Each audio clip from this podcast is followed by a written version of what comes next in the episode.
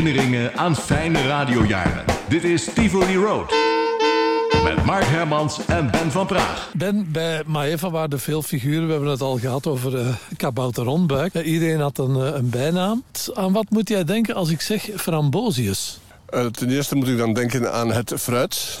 maar ten tweede moet ik denken aan uh, een figuur die zeer belangrijk is geweest voor het voortbestaan van Maeva. En uh, een grote steun is geweest voor ons, dat was Noël Dont. De zendtechnicus. De zendtechnicus, de man die ervoor gezorgd had dat het signaal van Maeva enorm sterk tot in alle uithoeken van Vlaanderen zo'n beetje ont, uh, ontvangen is geweest. Dus eigenlijk, uh, dat was ook, ja, als technicus uh, had hij altijd een aantal zenders klaarstaan voor het geval Maeva werd opgepakt en dan kwam er een volgende zender aan. Ja, het toppunt is ook, hij maakte die allemaal zelf. Hè. Hij ging die niet kopen en dan verder verkopen. Nee, hij maakte die zelf. Ik herinner me nog, we hadden zo'n zender, we noemden die Dikke Bertha.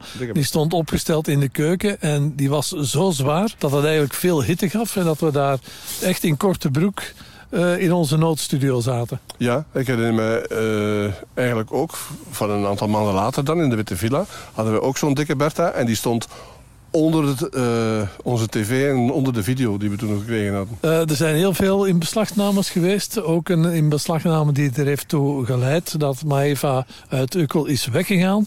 Dat we eigenlijk op, op de vlucht uh, waren en her en daar uitzonden. Ja. Maar dan zijn we ergens terechtgekomen in verband met framboosjes. Ja, inderdaad. Dus Nobel was een, een, een zendertechnicus. Die leverde zenders ook niet alleen aan Maeva. Die maakte die allemaal zelf thuis. En die had dus uiteraard eigenlijk een enorme, gigantische mast in zijn tuin staan. Met antennes erin. En uh, hoe het zo gegaan is, dat weet ik niet meer precies. Maar hij had het voorstel gedaan van kijk... Um, kom gewoon even bij mij thuis zitten. Um, jullie kunnen uitzenden van bij mij thuis in Heusden, midden in het Vlaamse land. Dan werd er in zijn garage een noodstudio ja.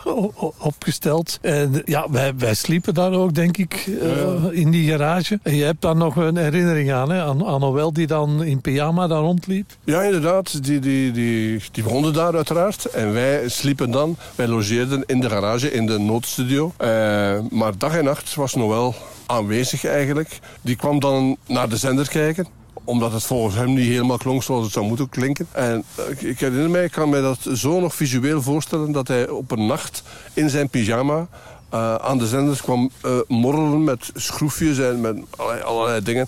Uh, en, en, in zijn pyjama, en dat ben ik nooit vergeten, gewoon visueel. Ja, en zijn dagelijkse werk als technicus, want hij had de tv-zaak. Ja. Die ging ook verder met herstellingen. En ik herinner me nog, ik ben het nooit vergeten, ben, ik zit nieuws te lezen. Ja. En midden tijdens die nieuwsuitzending in die garage... Inderdaad, komt nog wel met zijn wagen binnengereden. Jij was niet aan het lezen, ik deed techniek, denk ik. Uh, en op een gegeven ogenblik ging die poort van die garage open. Nog niet automatisch. Iemand deed die poort open, wat natuurlijk al lawaai maakte. En meteen, Nobel, met zijn auto in de garage. Uiteraard, heel Vlaanderen is daar toen getuige van geweest. Samen hand in hand, lopen langs het strand en dan luisteren naar Maeva. Toch kwam het station weer in de lucht en werd net zo snel weer opgepakt. De studiogebouwen in het vertrouwde Ukkel werden verzegeld. En er moest nu worden uitgezonden van op allerlei noodlocaties.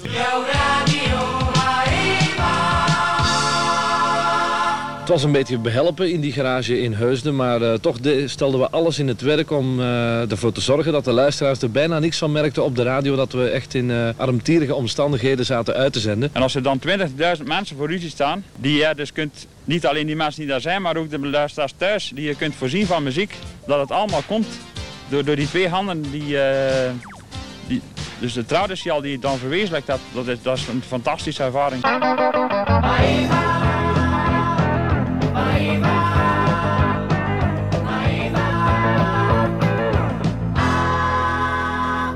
11 uur koffiepauze met Mark Hermans.